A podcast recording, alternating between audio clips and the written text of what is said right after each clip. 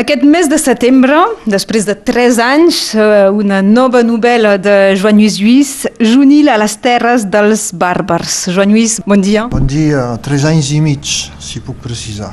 És important la, la precisió. Tu, per tu és com és un llarg procés això de fer una, una novel·la més que altres eh, llibres o, o, o no? Cada un té el seu procés. Depèn, depèn molt de cada llibre, de cada novel·la en particular tres anys i mig, precis i mig, perquè per tenir el temps realment complet uh, són molts mesos i sí que en aquesta m'ha calgut, calgut aquest temps, me n'hauria calgut més, però això ho dic sempre per cada novel·la, que em quedaria més temps i per tant encara estaria treballant en la primera i no l'hauria publicat mai i doncs no passa res però sí, són bastant els temps. Els que te seguim per les xarxes sabem que has passat quasi l'estiu amb, amb el llibre esperant que, que pugui sortir. Sí, ha estat una sensació molt estranya, no m'havia passat mai. El llibre existia des del primer de juliol, materialment, vull dir, jo el tenia, jo el tenia uns quants periodistes i alguna gent, així, però no es trobava a les llibreries, fins al primer de setembre no s'ha trobat a les llibreries, per tant ha estat dos mesos, per mi una mica inquietants, perquè el llibre a la vegada existia i no existia. I jo estava com en suspensió esperant, amb el llibre entre les mans així, bé, no, tampoc no el mirava gaire cada dia, però esperant que passessin a poc a poc aquests dos mesos que han estat com molt lents, en part eh, a causa d'això. Un llibre eh, que podríem definir com, com d'aventures, de, de viatge i, i d'alliberament fins i tot? Sí, entre altres coses. Eh, aviam, a mi em costa molt definir els meus llibres i en particular les meves novel·les. Sempre dic que ja m'ha costat prou feina escriure la meva novel·la, si a més a més l'he d'explicar, llavors no, no necessàriament jo no sóc gaire bo per explicar les meves novel·les, puc explico altres coses al voltant, al context. Eh, llavors sí que hi ha un viatge, sí que hi ha aventures, però no és, diguem, un, no, no és uh, Indiana Jones, per dir-ho d'aquesta manera una mica grullera, és altra cosa. També hi ha el pas del temps, també hi ha la, les relacions humanes, també hi ha molta, molta literatura que passa pel mig, vull dir, poemes, Ovidi, poesia oral, rondalles a la vora del foc, hi ha una mica de, de calidoscopi de diferents maneres de concebre la literatura. I fins i tot la presència en alguns moments de l'autor que s'adreça directament al lector. De tant en tant, sí. Llavors ni tan sols és el narrador, el narrador seria com la persona entre l'escriptor i el lector, algú d'intangible però que hi és, i de tant en tant sí, sí, que soc, soc jo, que poc sovint, però m'ha semblat que alguna vegada havia de, de, de, de dir qui sóc també per crear aquest efecte en el lector de, que vegi que això hi ha algú que l'ha escrit. Tothom sap que algú ha escrit una novel·la, però quan funciona la novel·la ens en descuidem una mica, estem submergits, però trobo que està bé de tant en tant. No, les decisions haurien pogut ser diferents. En una novel·la cada frase és una decisió que pot portar cap a d'altres llocs. I per tant, m'ha semblat que aquí alguna vegada ho havia de, de fer notar, que el que està passant és una decisió meva, que puc equivocar-me, no, no ho sé, però que és així, perquè no puc fer altrament. I què és ficció? Perquè hi ha alguns elements, molt poquets si tenim en compte el, el llibre, eh, d'història, però que no és, eh, no, no és un documental sobre fa 2.000 anys. No, gens ni mica, no és una novel·la històrica.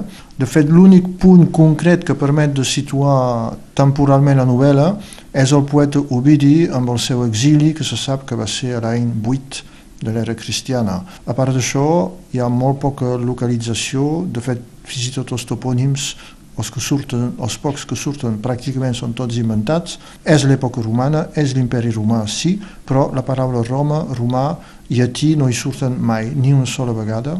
I la geografia també és mig inventada. Comença en una petita ciutat que es diu Niara, que és imaginària, que jo situo en algun lloc al nord-oest de l'imperi, però no sé ben bé on, i a partir d'aquí els personatges caminen i travessen una part d'Europa durant, durant un any sencer pràcticament i tampoc no sé ben bé per on passen però no crec que sigui el més important. De tant en tant hi ha muntanyes, de tant en tant hi ha planes de tant en tant fa fred, de tant en tant fa calor com passa i els noms, començant per uh, Junil, uh, has buscat noms que d'aquella època hi podrien haver o també són inventats? Tots els noms de personatges imaginaris són també imaginaris en aquest cas. Els he inventat tots perquè volia deixar realment clar que són meus. En aquest cas he tingut com un sentiment de propietat molt fort. Vaig pensar, si algú parla de Junil, ha de ser perquè és aquest personatge d'aquesta novel·la, no perquè és un nom que recorda perquè també l'ha sentit en altres llocs és com una cosa molt, molt, que no sé qualificar, dic molt, molt, molt, tres punts suspensius i que cadascú hi posi el que vulgui després. Eh, Junil a les terres dels bàrbars és el títol d'aquesta darrera novel·la que, que ha sortit fa, fa molt poquet de, del Joan Lluís Lluís. A la fi també hi ha un recopilatori dels personatges, és per si la gent se, se perd? En teoria, això serveix per això, sí, té, té un nom molt, molt solemne en llatí que es diu Dramatis Personae, però podem dir que és un, un lèxic de noms propis, alguna cosa així. Sí que està pensat per, per, perquè hi ha bastants personatges, és una novel·la coral en definitiva, però també és perquè tenia ganes de continuar a fer-los viure després que s'acabés la novel·la. Era, és un perfil de cada personatge, un perfil molt curt, en què explico, que fa, explico una mica el que fa, però a vegades explico una mica més el que fa la novel·la. I hi ha elements en aquest part final que no són a la novel·la. Hi ha els personatges, però també hi ha els escriptors, perquè hi ha molts escriptors inventats, citats que són inventats, llavors també imagino qui eren aquests escriptors que no han existit mai, i també hi ha una tercera part amb déus, del panteó dels bàrbars, que també són déus inventats, i també explico com van néixer, com van morir, què feien, quins eren els seus atributs, algunes coses així. Això és molt divertit, crear déus. He parlat de, de, també eh, d'alliberament, perquè hi ha la figura d'aquesta Junil, una, una jove que s'ha d'alliberar del pare i intentar no caure a un marit que, que li volen imposar. Sí, a, a l'època romana les dones eren les dones lliures eren una mica superiors als esclaus, però poc.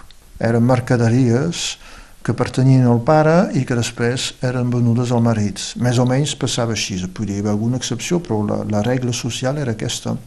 I llavors sí que era més complicat per una noia de sortir-se'n i per això vaig voler que fos una noia la personatge principal perquè un noi ho hauria tingut una mica més fàcil i llavors com que era més difícil em semblava més interessant, també més complicat per mi per fer-ho semblant, però en fi això és, era el meu problema i no és, una, no és un personatge feminista, això crec que no, perquè assumeix completament el paper que se li vol fer jugar eh, en la societat, vull dir que dona el valor que té per exemple, la sexualitat. Per ella és una cosa, la virginitat, el concepte estrany de virginitat, és una cosa que per ella és tan important com podia ser-ho per qualsevol altra persona, simplement vol, vol saber ella què fer-ne, vol poder decidir ella, i per això necessita escapar-se a la vegada del pare i d'un marit, i cosa, la qual cosa és molt complicada i ho aconseguirà, però amb un bon resultat eh, diguem que supera les seves esperances i que li crea algun problema el combat d'una noia jove en un país de zona transfronterera, eh, en es parla d'exili, tota semblança amb l'actualitat la, amb és, eh, és fortuita. Absolutament fortuita, no, fortuita no, involuntària, que és diferent. És absolutament involuntària. En cap novel·la meva mai he provat de posar referències a l'actualitat, de posar claus, metàfores, coses que permetin entendre coses d'ara. Mai, però sempre hi són, però això és inevitable. Per tant, no, no em resisteixo a una lectura que pugui ser com una lectura contemporània d'ara, d'aquí, de Catalunya, de l'exili, de la frontera, de la independència, totes aquestes coses les accepto, però no les, no les he volgut posar en cap cas. I que algú que desconeix totalment un escriptor faci quilòmetres per, per anar a trobar-se'l també? És, uh, o és un somni, un fantasma teu? O... No, no és un fantasma meu, però tots tots podem haver tingut algun, alguna persona que admirem profundament, un escriptor, un, un cantant, un actor, un pintor, i que voldríem anar a veure, i amb qui podríem somiar, compartir alguna cosa. Avui passa, i passa molt per els mitjans de comunicació, per les xarxes socials, però també podia passar a l'època romana i fins i tot abans, amb unes condicions més precàries i, i unes implicacions molt més complicades, perquè volia dir fer molts quilòmetres amb una incertesa total sobre el que es trobarien al final, però em semblava bonic provar-ho. També eh, poses el lloc on l'has escrit, hi ha, hi, ha, hi ha tres llocs, Terrats, eh, Banyoles, dos pobles on, on hi ets eh, regularment, podríem dir, i, eh, i el Mulà. Què és el Mulà i, i per què eh, la, realment has volgut implicar-lo en aquest llibre al final? Aviam, perquè jo no poso mai les dates de, de començament i de final, com alguns escriptors fan, no les poso perquè no sé mai quan he començat una novel·la una novel·la jo no la començo quan escric la primera frase, sinó quan començo a pensar i a vegades poden passar anys entre pensar una novel·la i començar-la. En canvi, m'agrada posar els llocs on l'he escrita o on l'he revisada, perquè per mi és com una manera de, de, de, de fixar una, una geografia meva que no diferencia gaire d'una novel·la a l'altra, perquè els llocs més o menys són els mateixos. Llavors, el Molà és un petit poble molt petit de la comarca del Priorat, doncs al sud-sud de Catalunya, on hi ha una residència d'aquestes on hi va gent per fer creació i aquestes coses, i un lloc molt bonic, molt acollidor, on de tant en tant hi vaig per acabar una cosa, per avisar, per tenir calma, silenci, solitud i, i aquestes coses. Junil a les Terres dels Bàrbars és el club editor del Joan Lluís Lluís. Evidentment, ara hi ha un calendari de presentacions que també passarà per, per Perpinyà. La, la Joana Serra ja ens ho ha explicat i nosaltres t'agraïm d'haver parlat d'aquest llibre, sense desvelar, evidentment, què, què s'hi passa, però si podem dir que al final és obert, podria deixar pas a alguna altra novel·la per fer... continuarà com les pel·lícules. Sí, podria haver un juvenil 2, un juvenil 3, un juvenil 4, però no hi seran, això ho puc ben jurar. Gràcies, Joan Lluís. Gràcies.